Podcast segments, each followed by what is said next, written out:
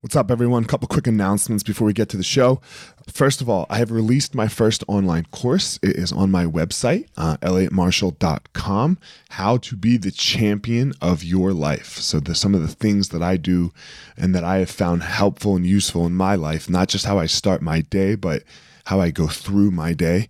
Um, so, yeah, elliottmarshall.com for all of you BJJ fanatics that are on this, listening to this podcast, uh, I have separated the YouTube channel. So there's a BJJ only YouTube channel, uh, Fire Marshal BJJ, it's called. So go check that out.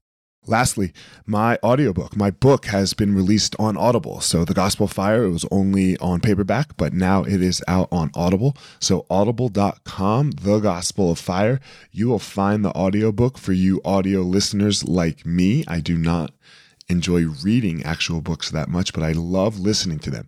So, uh, audible.com, The Gospel of Fire. So, three things the book, the YouTube, and the course. Go check them out. I'm always here. Whatever you need, hit me up. Fire Marshal 205 on Instagram. Talk to everyone soon.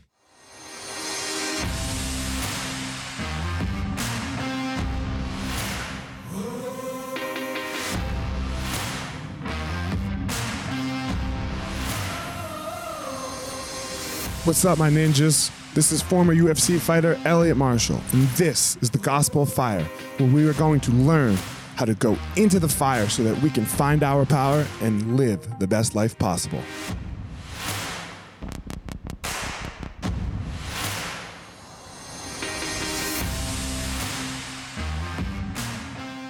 What's up, guys? This episode of the podcast is with John Register. Uh, John Register is a amputee who had his leg amputated during his military career and has since moved on to help fellow amputees, help uh, fellow military amputees, and also athletes. Um, he is a Paralympic medalist, silver medalist, um, I believe in two sports, he said uh, swimming and uh, the high jump, I believe it was. Um, so, what was his process? You know, how does he go from his truth to his power, his truth to, you know, finding his truth and, and, and moving that into a place of power for him? Um, we talked about that. It was a great conversation. Um, I really enjoyed it. So, without further ado, uh, here we go. John Register, uh, please don't forget before I go to John Register. So, with further ado, uh, before we jump into that, please don't forget to go to my website, check out my courses, check out my webinar on my course on how you can find your power um, is out and at elliottmarshall.com. My webinar is also out, um, uh, creating the mindset of a champion. Um, everything starts and begins with your mindset. Uh, my book is now on Audible, so audible.com, and you can grab my book, The Gospel Fire. So um, go check all of those things out. And now, without further ado, here we go. John Register. John, what up, man? How are you? What's going on, Elliot? So glad to be here on the Gospel of Fire podcast. I, yeah. I'm, I, I can't, can't, wait to have this conversation, man. yeah, man. We were just talking. We were, but we were both just in Maui a minute ago. I, I know, so, right? Uh, yeah, I, love it. I'm, I'm going back. yeah, man. There, once you, uh, once you go, there ain't, there's, it's hard to go anywhere else for, for me, anyway. It's, it's, my zen place, man. I don't know what it is. I, I, I step on that island and I just melt right? I just am like okay this is time for me to to relax and unplug a little bit. And and you know it was it, it's a weird year we all just had you yeah. know and are, and are still kind of having. Um i personally didn't realize how tired i was. Like i was i'm not a napper. Mm-hmm, i don't nap. mm-hmm. i take like two a year maybe. Uh when if then that's like not being sick right? Obviously if you're sick you sleep all day. Uh but dude, I napped every day. And I'm talking like in the bed, lights out, two hours every day, man. yeah, you know, I think it's the stress of it all, just kind of getting to people and not so much the stress of, you know, what we all went through, but more the stress that we've never been through something like this before. Mm. So mm. Um, a lot of people are saying things, phrases like, you, you know, we're, we're living in uncertain times and my challenge back is, well, when do we ever have certainty? Mm. We, we we had we had rituals. You know, we we thought we are going to be going to Maui every year. We thought we are going to be going to uh, baseball games, football games. We thought we were going to be doing meeting our friends for lunch and flying around the world, getting 150,000 miles on whatever airline we choose to fly. And we found out when that was taken away how much control we actually had. So we never had certainty. We had an illusion of certainty. We had rituals. And so people are thinking they're going to get that back, and we just don't get it back. Because we, we, we never had it. Man oh god we're, we're i mean who i told you i didn't know where this conversation was going to go.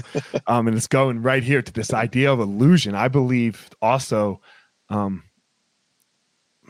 and i hate saying uh, now i'm going to stick with yours first before i go off on a tangent. Yeah. You know this illusion of rituals right? Because like we we go through life as as though tomorrow is guaranteed right. like that's how most of us live right. correct? Like you you like and and we we put no and and not that you need to put uh intensity on everything you do but man tomorrow isn't guaranteed. So where did you where did you come up with this idea? I've never heard of it put that way. We have rituals and the illusion of things. So wh- where did this idea start to come from for you? Well it i think it's always kind of been with me. I began articulating it after i was preparing i was preparing for a tedx talk mm. and i almost and i'm a professional speaker so I was like, yeah, this is awesome. I can do my TEDx. I want to blow up. Yeah. But it, it wasn't that. What happened was I almost got out of the speaking game because of it. Because oh, I didn't think I was saying anything. I didn't think I was, there was nothing that was coming out of my mouth that I thought was rich. It was deep. It was an idea worth sharing. Right. Um, and I was having lunch with a friend of mine like three weeks, three, three, three days before I was about to go on stage and I was really about to call the curator and say, "Hey, I'm sorry. If you got to back up, please put them in because I don't have it." And then I uh, said to him as we're kind of eating our lunch, I said, uh, and I'm an amputee. I said, "You know, had I overcome the amputation of my left leg, I'd have my leg back." And he said, "Oh, right." And so then that was like this first piece of a thread, and I started testing it on other people you know, saying, had I overcome the amputation of my left leg, I'd have my leg back. people were like, oh, right. And so there was something there. And that something was most people thought what I overcame was the amputation of my left leg. But I didn't overcome that because I'd have my leg back. So what was it then that I overcame? I overcame the negative perceptions that I had about being an amputee that were holding me back in my mind or it was another illusion that was something that was might have been there. So what i really overcame was the object of my fear in that moment. Not my fear. My fear was my wife might leave me because i'm uh, three quarters of a man now right? Uh, because i've got this artificial leg. I've seen military service personnel husbands and wives split up because of injuries in battle. So i'm thinking maybe my wife's going to leave me because of this injury but that's not my fear. My fear, my true fear, the object of my fear is am I still desirable? Do people still like me? Do they want me? Am I still valuable? Can I still perform my duties and will that be honored and accepted in this how I how I'm now showing up? And maybe it's because of maybe it's my fear of other individuals, other people now believing for me what is now possible in my life based on what they believe it would be possible in their life if they were in my situation. Or maybe it's society. Maybe it's society telling me that uh, how I'm supposed to act and show up. And kids in the airport are saying, hey, look, there goes Robot Man. And other people say, no, that's impolite to stare. Let's get them out of here. So now, because I was part of that growing up, I see myself as less than. That's the object of my fear. So when I'm saying that it's an illusion, we have our rituals in place. We do things every single day, and that might be disrupted, but we can always get rituals back. We can always change the, the ritual out. What we don't get back is that illusion that we ever had control. Mm. Man, so it's it's so interesting. It's such because it's such an illusion. I'm I have a fighter and I'm working with her right now, and I just had her read a, a told her to get the Zen Buddhist book, mm-hmm. you know, and it's called Zen and the Samurai and it's uh it, it talks about this duality kind of that you're talking about. And, and part of the book talks about this fight that the warrior goes on. And it's and he, and he talks about his death. And, and and the death of him is what allow his his idea of him dying is what allows him to now go fight greatly mm-hmm. right? It's this mm-hmm. illusion that you had any control. You don't have any control. Right. we've never had it. You've you really never had it. And some people and and I think that's what's really fucked people, right? Is especially the control freaks of the world. Like, mm. oh my mm. God, my uh, and I, I'm in control of my life, and if I do these things, my life will go well. Yeah, well, I mean, my shit. Look, I own seven martial arts schools, and on March the 12th, everything was fine. I had seven open schools running at full capacity with over almost 5,000 members. On March the 13th, my doors were fucking closed. Mm-hmm. like right. there was no slow downhill. It was good, good, good, good, good, amazing, amazing, and you're dying. Like you're dying right right, right now. Right. And that, that's the amputee moment, right? Yeah. That's so I always talk about in these in these moments, um, you know, I chose to have my left leg amputated because primarily because of the pain I was in after I had my injury. We can talk about that. But I chose to have the amputation. And once you have once you make that choice, once you make that commitment, you no longer have that appendage, it's gone. And when you when we experience trauma, like if I would have been in some type of motorcycle accident or some other car accident and lost a leg and came up, your life is totally changed and, and, it's, and it's overnight. It's it's an abrupt stop stoppage and so what most people felt was the amputee, the amputee's moment of when you realize mm. Stuff has changed and you don't get it back. And so now I'm freaking out by buying toilet paper and paper towels, trying to get some sense of control. Mm-hmm. Mm-hmm. God, we can go so many ways in this in this subject here. Um, this this amputee's moment. I think. uh God, I mean, like I'm right outside of Boulder and we just had the shooting yeah, last week. Right, right, right. I mean, I, I wasn't here, um, but it, it's a mile from two, maybe maybe five miles from my house. And it's it happens again. It's again. It's not a yeah. It just happened. It's it's happening again. Yeah. So, yeah. Right. And you know, uh, I, I I'll say that I, I'm not anti Second Amendment. I want you know I, I do believe that Jesus Christ, I mean, it's harder to get a driver's license. It takes a year to get your driver's license. Mm-hmm. You know, and you can get a gun in in a day. like, yeah, I, I, I, I, don't think that is okay. I think you know, like if we're if if if uh, driving a car is a very serious thing, getting a gun should be a very serious thing. Yeah. You know, um, well, but I also don't want to see a bunch of dudes and and women in King Soopers per se with this illusion of control that they know what to do in a firefight because they have right. a pistol I mean, on there. I mean, I I don't think the death will go down. I think the death will go up. If there was a yeah. if there was 20 people in there and they were, you know, GI Joe ready to save the day, um, I, I think more than 10 would have died. So here's the interesting thing. I, I, I look at it not as even that, right? I, I look at this as the why why are why do these things mm-hmm. kind of keep happening what is going on in our society that that is driving the perpetual thing that i need to safeguard myself with a weapon in the first place right i just got back from dubai and um, last year before the world shut down and i had my wallet i wanted i needed to go use the restroom and stuff and so i had i was with a, a person that was kind of my handler and i had my wallet on uh, it was like a like a bench, right? And I have my com- kind of computer sitting down there, and he said, because I was like trying to figure out where do, where do I get it? Where I need to take it with me, or you're gonna watch it for me? What's he's like, oh man, you can leave that here all day. No one's gonna take it. And as I started looking around the mall after that, there were like purses and wallets and cell phones just out, unattended. And I said, why is that? And, and he says back to me, because we believe that if we earn something, we buy something, that's our property. And if it's not our property, we don't have the right to it. What a concept. So, what's going on in our country that says I have a right because I have this weapon to exact my anger onto somebody else, right? I should exact it on myself. I'm that angry, I should exact it onto myself.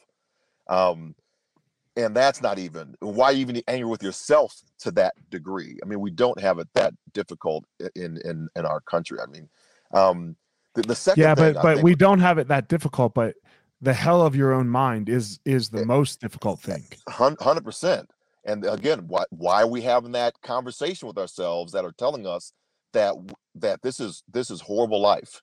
Right. and so that's that's what we have to kind of i think unearth and and dig into because um yeah i understand you know we got first and second amendment if we if but i can't yell fire in a in a in a movie theater right So, that is right. You go to not jail.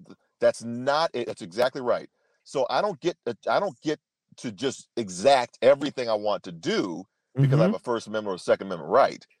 And because of that, there are some responsibilities that I have to have. In, in a fight, the reason the reason America wins over GB, Great Britain, right, is because of guerrilla warfare. I don't care if you have a weapon or not. If I want to cause physical harm to you and you don't know it, I always have the advantage. Always. I don't know how many people in that in that whole thing had there was a there was a police officer that was in it, right? And Yeah. and lost his life. Saving Pretty people. sure he's probably armed. Yeah. Just because you have a weapon does not mean you can defend yourself if you are the object of somebody's attack because you just don't know. You're at the disadvantage all the time. Yeah. Yeah. I mean, and God, I don't want anybody to think that you're in any way bashing that police officer. No. It's not him. Not, right. not, yeah. no, no, way, no way. no way. He was I'm going in there saving people. armed. He's Yeah. trying Yeah. to save people. That's exactly right. He's Yeah. a, he's doing a heroic thing in this moment. Right. And he's he has a weapon. I'm just saying well. that if you are if you think that that's going to save you, then you and you, and you're the object of somebody's anger, you better think twice. Yeah. It's. I, I don't want to live in a society where everyone's walking around with a gun on their waist. No, not no. not even close. And look, I'm a uh I'm a fighter, right? Like I, I Right, grew up right. fighting. Um and I know how hard I worked at fighting, right? When I was doing it. I know how hard my athletes work now at fighting. right, right, And then I watch it go badly every night, every every fight. So there was there was fights this past weekend. There was 12 fights. Guess what? 24 people had a plan, 12 executed it well right. That's the other people got fucked up and they they dedicated their whole life to that the- 15 to or 25 right. minutes their whole six months was dedicated to or three months was dedicated to performing well in this moment 12 of them didn't right. what happens I when mean- you're not perform when, when if you're not preparing for war and then war happens upon you and you have a weapon it, it's not going well like this Right. this isn't like you're not going to just all of a sudden turn it on because this I- is a psychology i don't understand I, I learned I learned this I think the most when I was in the in the military. okay when I was in, in the Gulf War, uh, I realized that it doesn't matter. It, it ma- what matters is we had the tactical advantage. We had elements of surprise. We had weapons that would fire in opposite directions, so that even if you targeted them, you thought they were going a different way, and then they came back on you. Right? We had stealth. We had uh, um, things that that would would come and get you uh, like Boogeyman in the, in the night because we don't want you to know we're there. That's the tactical advantage. I don't want you to be able to use your weapon against me because I'm going to take that element in the surprise that I have on you. That's the military advantage, Right. not I got a gun on my hip at the state capitol. right That's not. I know you're there, so why would I even go? right. Right. Yeah. right. There's no there's no element of surprise. There's the no element element of surprise. right. If, if if i show up to a ufc event and i think i'm in the crowd and then all of a sudden i get planted in the cage and this other person's been waiting and training and preparing we have a whole different ball game going on. We are not yes. doing the same thing.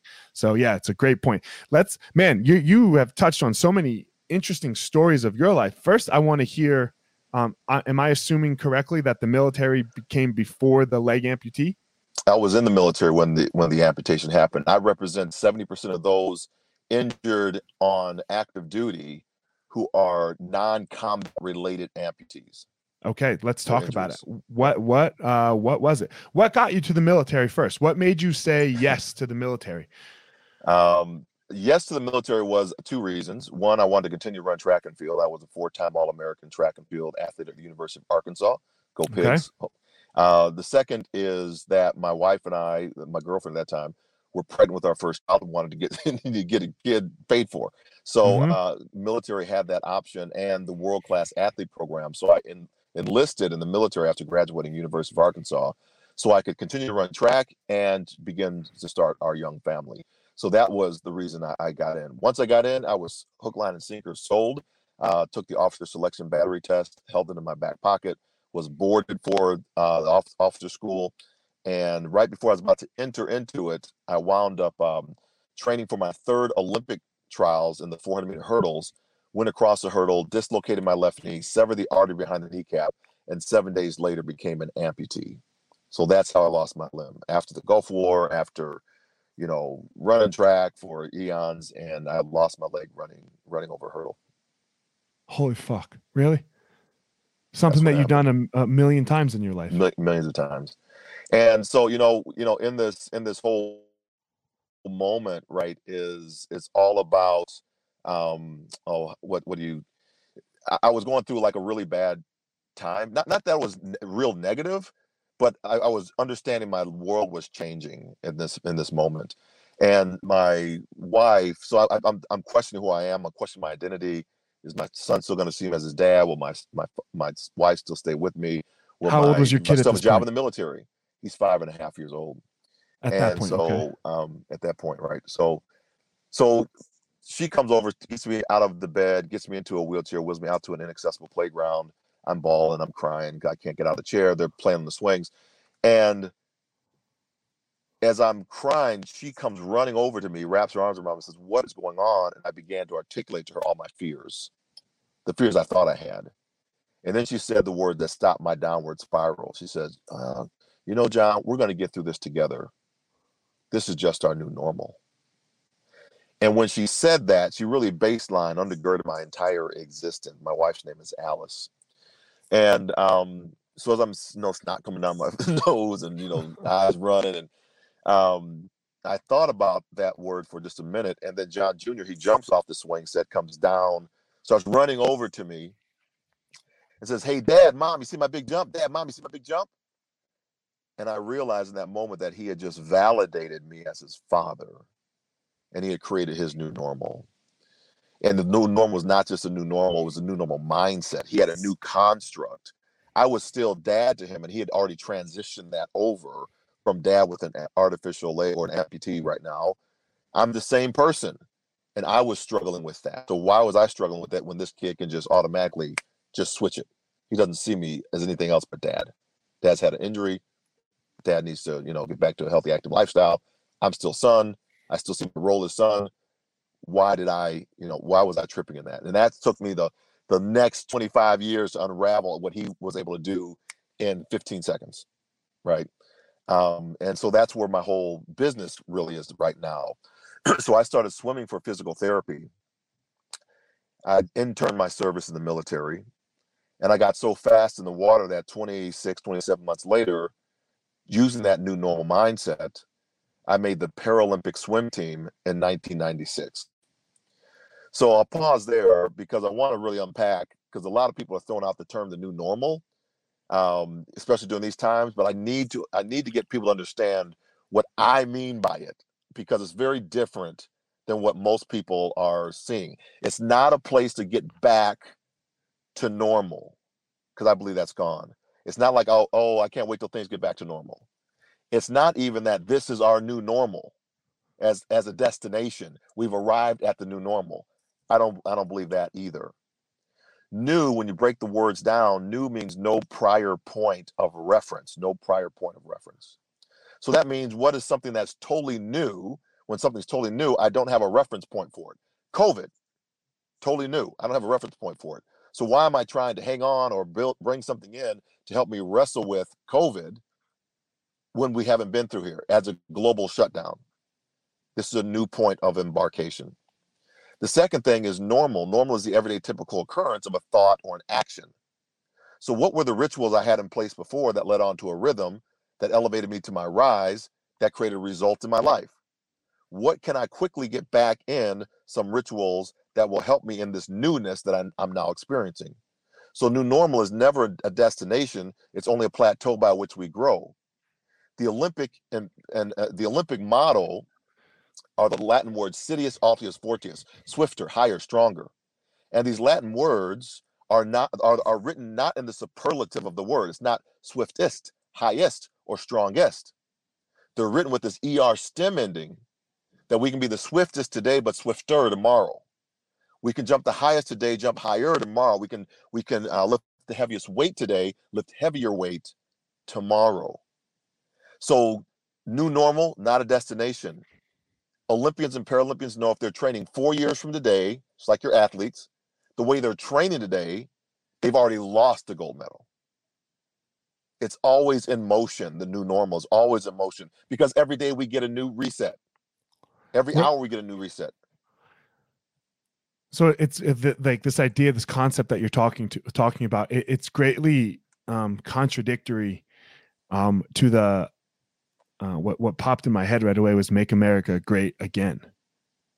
Like, right, like that that doesn't resonate with me at all. Like when, like, are we going backwards? Like, is that is that it's it's a backwards doing? statement. It's a backwards statement. It's a it's it's a let's go backwards statement. When we we we want to advance, right? We want to move forward. So why do you think why do you think the the the MAGA statement um, remove remove uh I think we make man. lots of statements like that, right? But, but remove think, him. Why did it stick with people? Why why why why was it so sticking? It's, it's, because it's sloganish, and so we we we graft, and so when we are devoid of our own thought and our own process of actually listening and and taking the words and and and and and um and really uh articulating the definition of what that means and we're only like i said earlier um the the the, the cult right we were talking about um my leg we don't get back to normal we don't get back that back. And yeah. i said one of them is society. Well society can dictate. What's what was making me think that way was it when i watched the walt disney movie and i see captain hook. Captain hook's an amputee. He's the he's dark he's mysterious. He's the he's the antagonist of the, the movie guy. peter pan. He's the bad right. guy. Now wait a minute i'm an amputee. Do i now associate and assimilate all his attributes onto me right? Yeah so yeah. If, so so who are you looking at? So that's why i say the object of our fear. If if in this conversation what is the object of the fear of moving forward that i want to go back?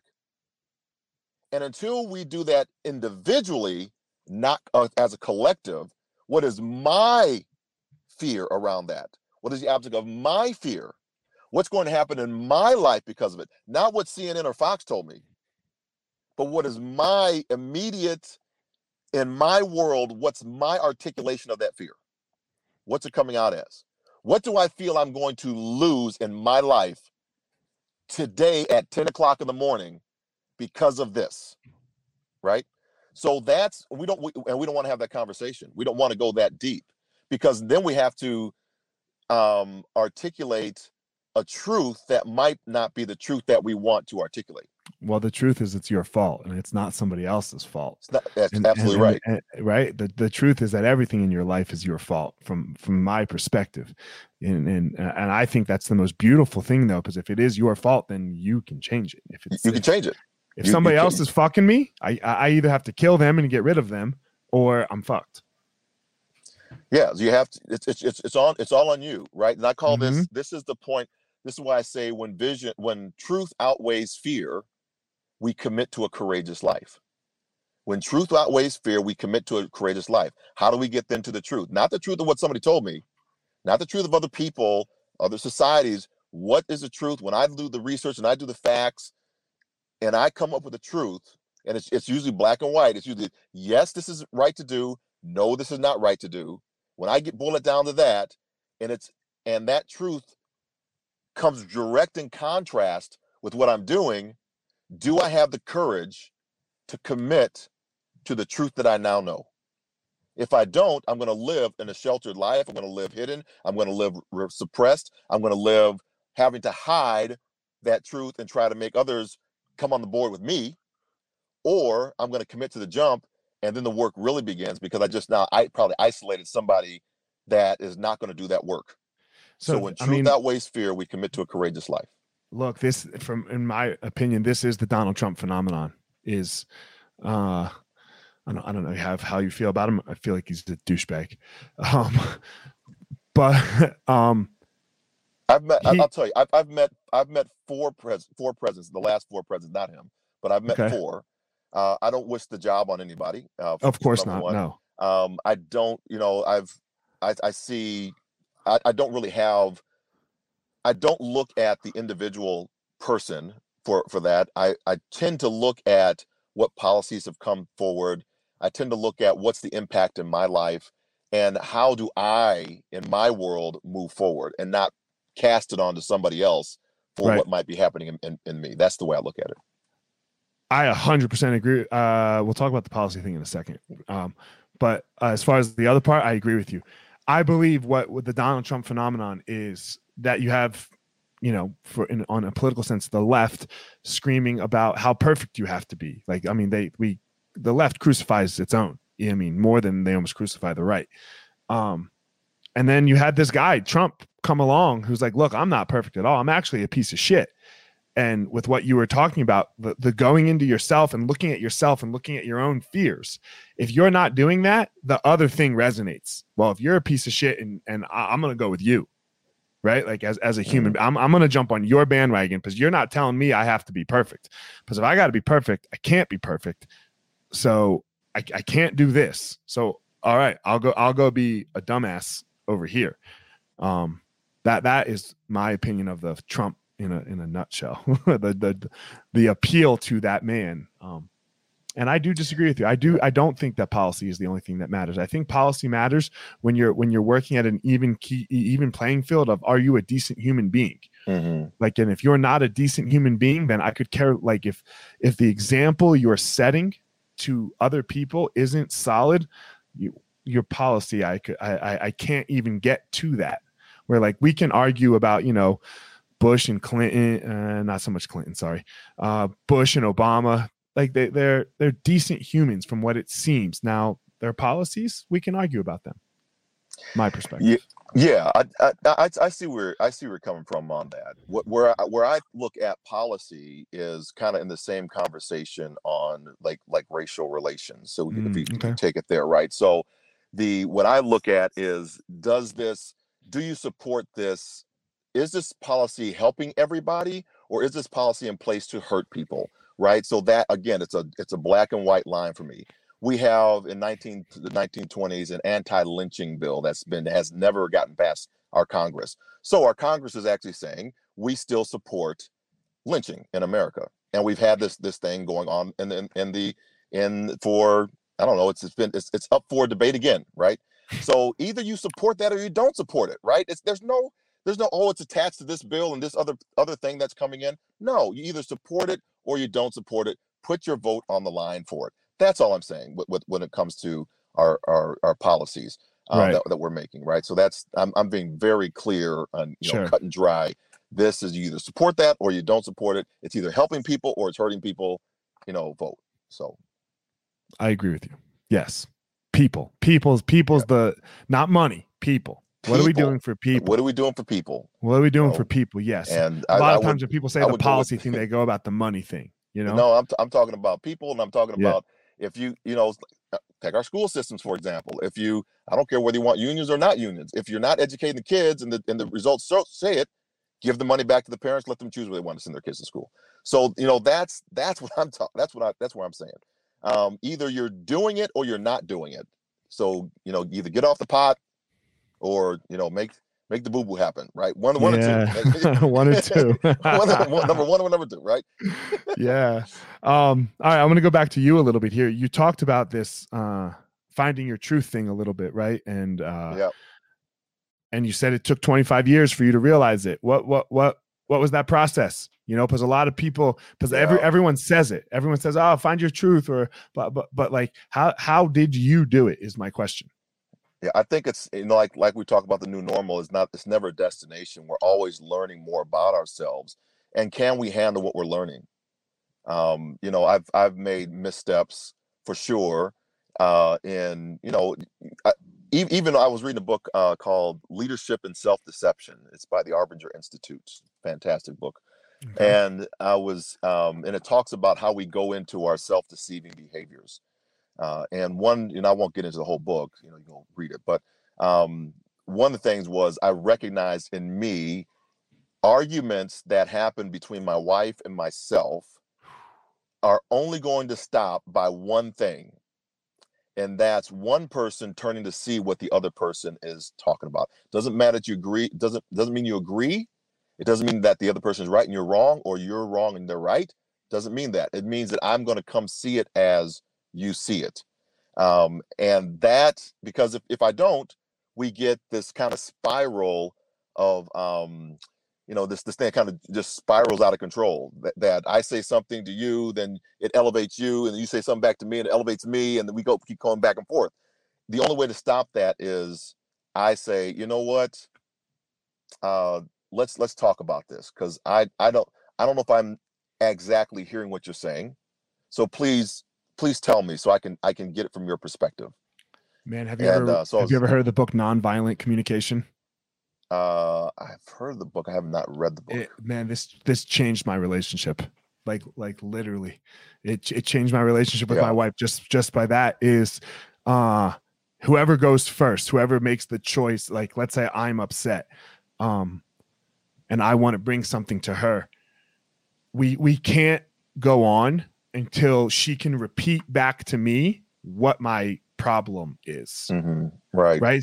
Like it's not like, no, you're gonna make your point, and then vice versa. All right, babe, if if you if I'm hearing you, this is what I'm hearing. No, Elliot, mm-hmm. that's not that's not what I'm saying. Okay, let's try it again. Right. And it keeps you out of arguing so much because it's just right. like I have to understand her and then she has to understand me. And then from there, like the guy in the book, when he writes the book, I don't want like same thing, I don't want to ruin it. He goes, I'm going to solve this 20 year marital issue in 15 minutes once we understand the problem. Mm-hmm. And the mm-hmm. wife and the husband were like, no fucking way. It's been 20 years. And so then, you know, the wife states it, the husband responds, and the hu- and the guy goes, No, no, no. You didn't respond to her problem. You responded with your response.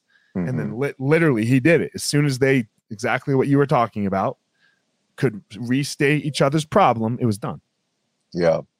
That's and, and we that's all it's all active listening. And mm-hmm. as soon as you hear yourself say, if, if you start building a response to something, you're already missing it, right? You're already missing the point. And I do it all the time. I'm the to ourselves I'm the biggest. I'm the biggest failure at it. You know, oh. so I'm I'm calling everybody all the time, saying I'm sorry, I, I missed it, I messed that one up. Uh, I'm, I'm, the biggest. I'm the chief chief failure artist in, in that aspect.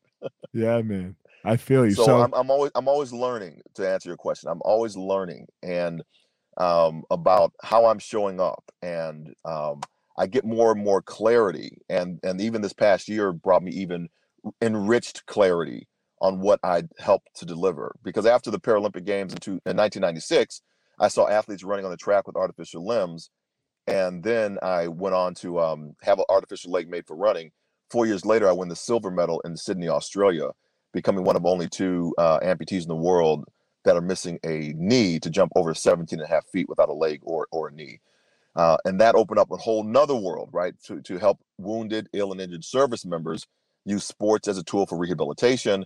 At the United States Olympic Committee, that turned into Warrior Games. It turned into Prince Harry's Invictus Games, and it just keeps on going. So we we begin to understand what our that one incident that happened when I'm crying out there in that chair in Hays, Kansas, with my wife saying that this is our new normal we now see, you know, seven, eight years later, the culmination of why this has happened possibly that now you're you are an impetus for other people to release in their lives. I'm, I'm not sure it's been over 50000 service members who are now part of those programs in, in all facets of the world. Um, we're, we're looking at different countries now. We're looking at how to ex- expand the, the programming so that countries that have not necessarily have treated their veteran population as they have served and t- kept track of them.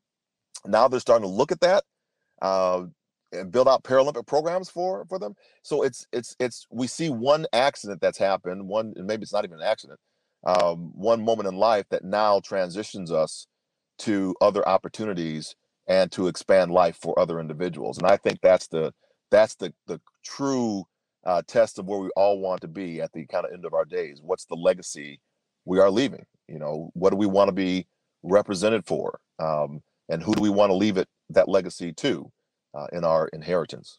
Who did we want? Yeah, who did, whose life did we want to touch? Right. Yeah, it's such a it's such a great way to look at it, man. Um, I'd be remiss if I if I don't ask you a little bit about race. You know, um, it mm, is it is yep. such a such an interesting topic. It is such uh, um, it, it, and, and it's drawing a lot of attention. You know, and uh, I, I so you know who Jordan Burroughs is, uh, black wrestler, uh, gold medalist in yeah. the Olympics. Yep. Mm-hmm. He, you know, there. So last weekend or two weekends ago was the NCAA championships for wrestling.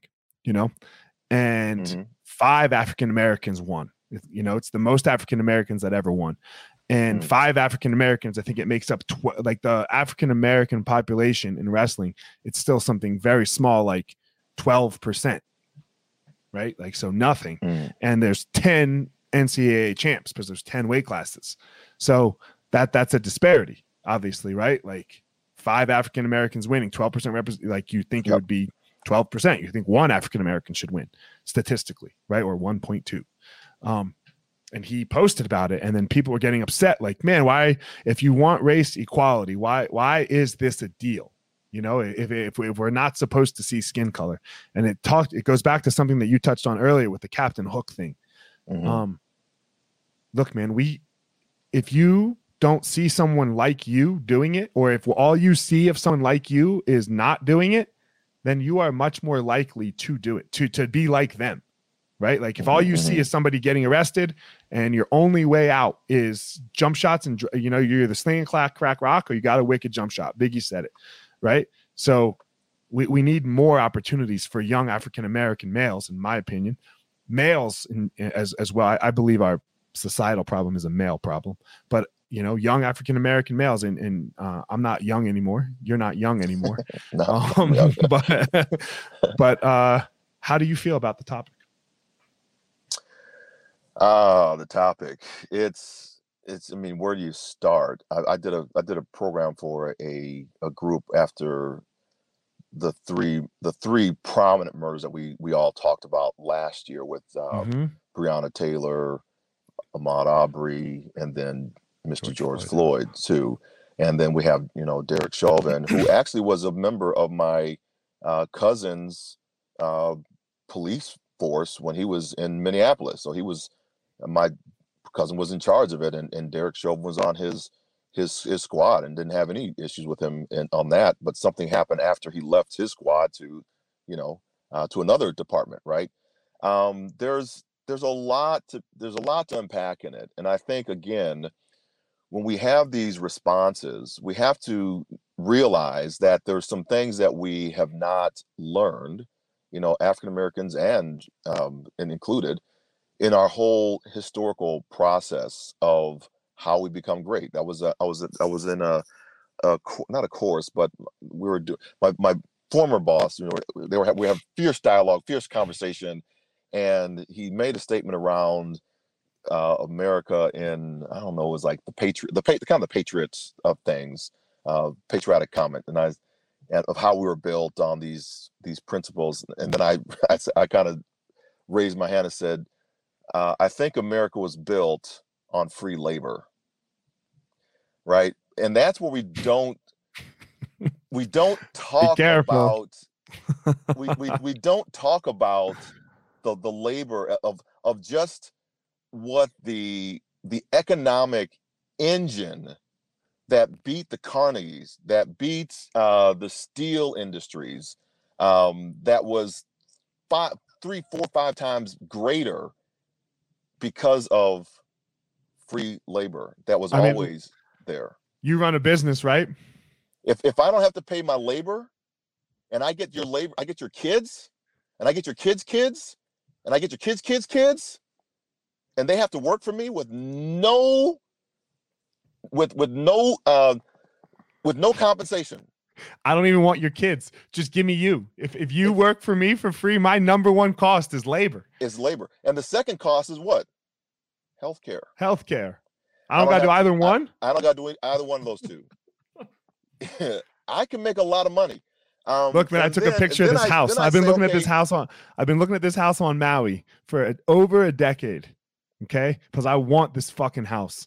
Uh, I'll send it to you after afterwards so you can see this goddamn house. It's you- you may- you may 27 not want to. it's twenty seven million dollars. The house. Wow, that's Yeah, nice. man, it's twenty seven million dollars. I would have bought that house if I didn't have to worry about labor. Sure, right. And then Mm-hmm. you then you say th- then you get okay. Well, I'm going to give you get a little back. We're gonna I'm going to pay you something now.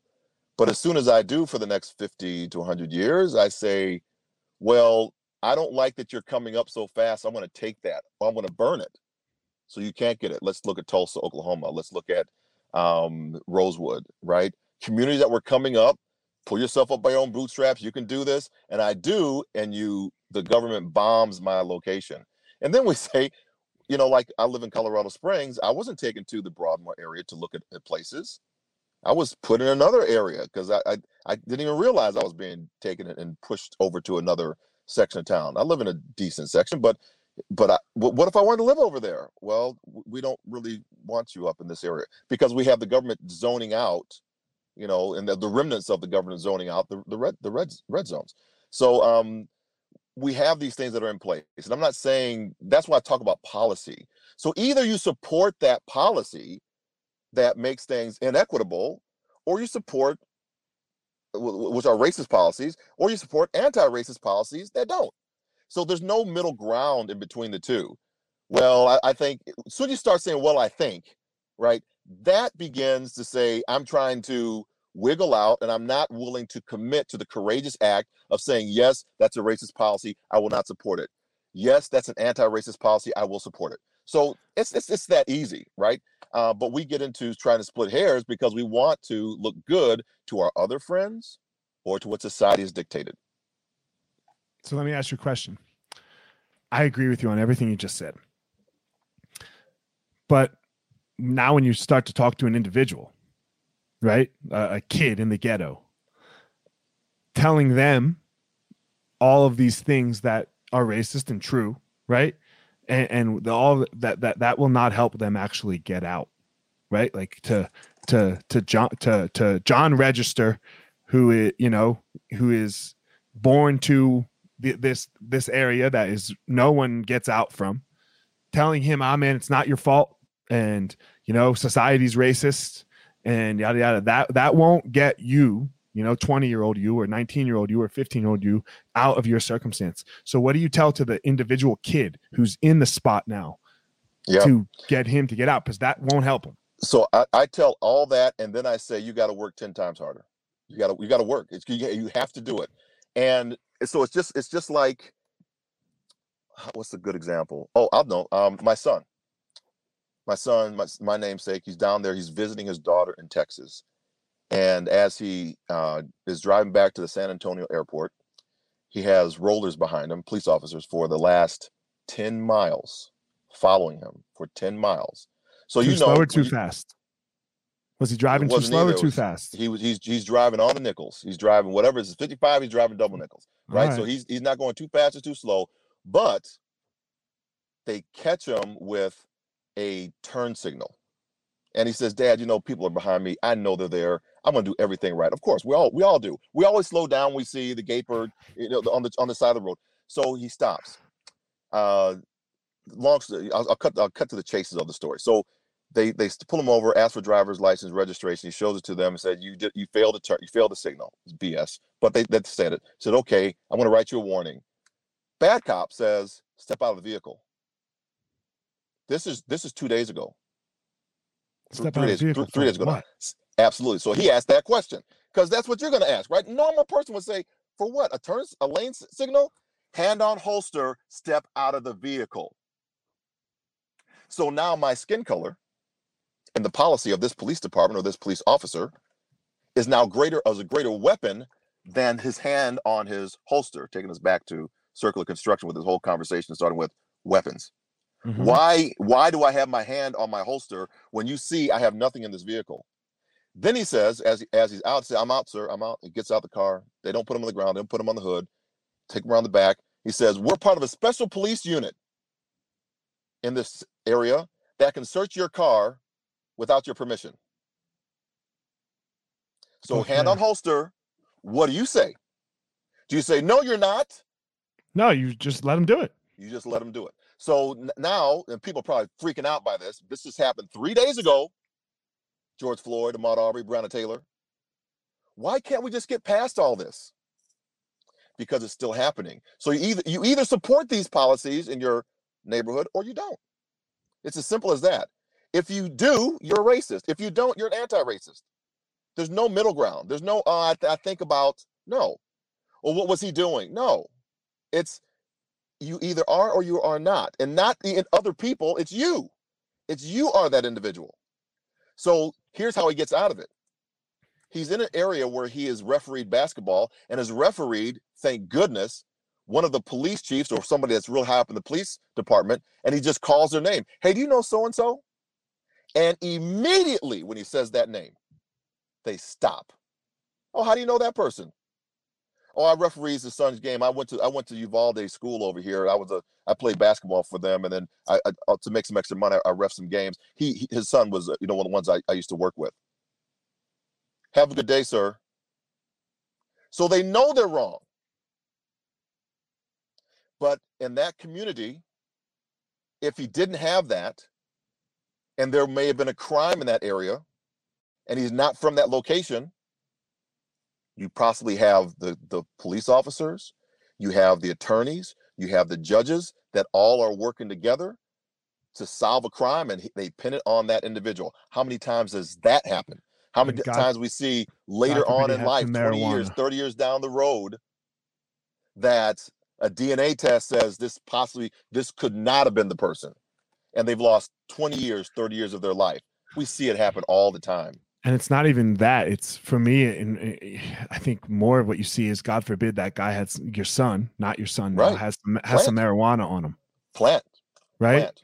just has some marijuana right. on him and now he's now he catches a felony absolutely right and now absolutely he catches right. a felony and now every job application he ever has to fill out for the rest of his fucking life right the the same marijuana this. that that i have right in my drawer right now that that you have you I don't know if you do or not that my dad has that you know like that that tons of white people have that all of my white friends have you're right like and and now you got it's now just, you caught felony. so uh, so I'm not really blaming the officer guy right? I'm I'm not I, what I'm what I'm doing is I'm blaming the system that allows it. that's allows it and they know what's going on. And people in the system and outside the system who are friends with those individuals know what's going on but they do not have the courage to call it out.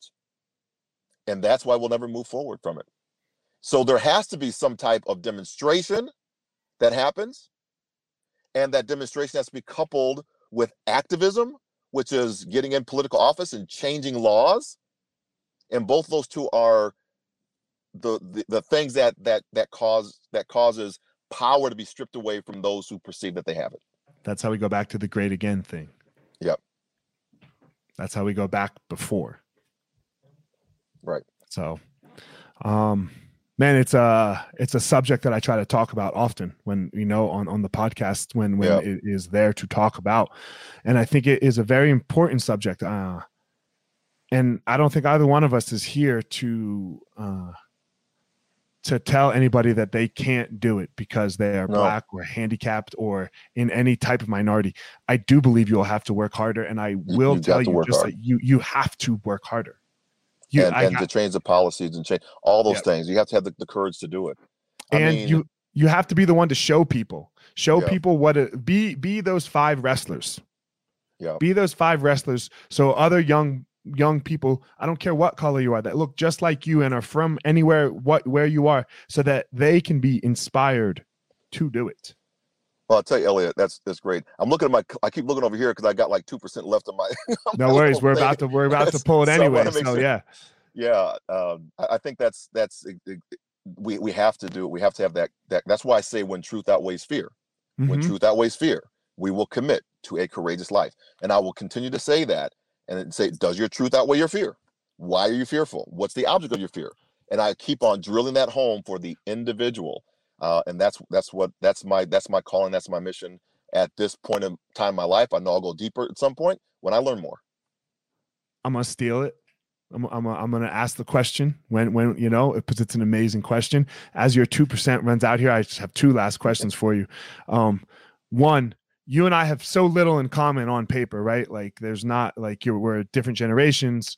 Uh, you, when you Google my name, you find UFC fighter. What what would make you say yes to coming on someone like my podcast? Like, um, and you, not to toot my own horn. I just believe that no. the communication is the most important thing that we have. Yeah, I no, I, I don't. I think we need to have dialog mm-hmm. right? And and and sometimes I don't know if, if your show is um, right, left, or whatever. I think the dialogue needs to happen, right? Yeah. Because that needs to get out there. We need to talk to one another. So why wouldn't why would I say no? So that's you know I don't care if, if you're wherever you're from, but I'm but you can't have, say yes to everybody. I, I that's more with time, right? than than anything than anything else. And you know if I think it's it's something that's that's way out, it's not in my ballpark. I won't right. do it because I just don't think I have the expertise. Sure. Um, and I may it, I may say you need to talk to this other person because they actually have this expertise. And I and I've done that before as well. Got it. So I don't think I'm the you know coup de grace of, of all topics. I, I know what I know, uh, and other people know what they know, and I think that's sure. that's we we celebrate and elevate those people. Great answer. Last question. Uh, I believe everyone has a unique power in the world, uh, something that makes them amazing. What what would you say your power is? Uh, it's it's inspiration. I believe that inspiration is a catalyst to motivation. Motivation in turn causes actions Actions lead us to transformation results. Transformation results then re inspire us or allow other people that are watching the process to catch their vision. Inspiration. Fuck yeah, man. I appreciate it. I appreciate you coming on, man. Tell everyone where they can reach you, your social platforms, your website, all that stuff. JohnRegister.com. You can find all my social media platforms there. I'm most active on LinkedIn. And then um, uh, we're trying to build off the YouTube channel, which is John Register as well. But if you go to johnregister.com, you can get all whatever you want to get there. I have a, a Facebook group called Amputate Fear. Um, it's, it's uh, Facebook slash groups with an S slash amputate fear. And then if you go to, to amputatefear.com, you can get this whole pathway, this journey I have from fear to freedom. Fuck yeah, fear to freedom. I mean, I'm gonna steal that one too. Uh, guys, that's all. Yeah, of course, man. No, it's no one. No one's has an original thought, right? We all stole no, somebody. Yeah, right. um, guys, as always, John has his unique power. He just explained it to you. I have my unique power. Don't go out in the world and try to be John. Don't go out in the world and try to be Elliot. You go out there and you find your own power. Absolutely. All right, everyone, thanks for listening to this episode of The Gospel of Fire. If you enjoyed the episode, I'd love a review on iTunes or wherever you are listening to this podcast. Don't forget to follow me on social media at FireMarshal205. If you are a BJJ enthusiast, check out my YouTube channel. I put all kinds of instructional DVD uh, videos out on there, so go check it out. My book is still out on Amazon by the same name as the podcast, The Gospel of Fire. So if you are interested, go check out that. And most importantly, guys, go out there every day, find your power. Thanks a lot. Guys, look, I get it. I totally get it. You opened a martial arts school, and man, it's kind of crushing you. There's all this other stuff to do other than teach, right? You love teaching. You love jujitsu. You love Muay Thai. You love karate. Whatever it is you're you're teaching. And man, but there's all this other stuff. There's there's the front desk. There's there's taxes. There's curriculum. There's cleaning. There's there's problems, staffing, covering. Whew, man, it's so much. It's so much. Well, let me tell you, uh, we have started what's called Easton Online, and Easton Online is here to solve all of these problems for you. Easton Online is a digital academy for martial arts school owners and managers. Will help you establish or enhance your business with best practices. Most importantly, we're going to help you get back to what it is that you love most teaching and doing martial arts. Okay, so for more information, guys, go to easton.online. Again, that's easton.online. Add your email. You're going to get notified about the course launches. Our first course is going to be all about the first impression specialists, your front desk, and all kinds of stuff, special offers, promotions, as well as we started a podcast by the same name, Easton Online, that's gonna talk about our process of how how we went from a tiny little martial arts school to what is now seven martial arts schools, seven Brazilian Jiu Jitsu Muay Thai schools, um, in a very holistic way that we believe um, kept the integrity of the art and also deals with its people very well. So again, Easton.online, enter your email, and you're gonna get all you're gonna get everything you need right there. So thanks, guys.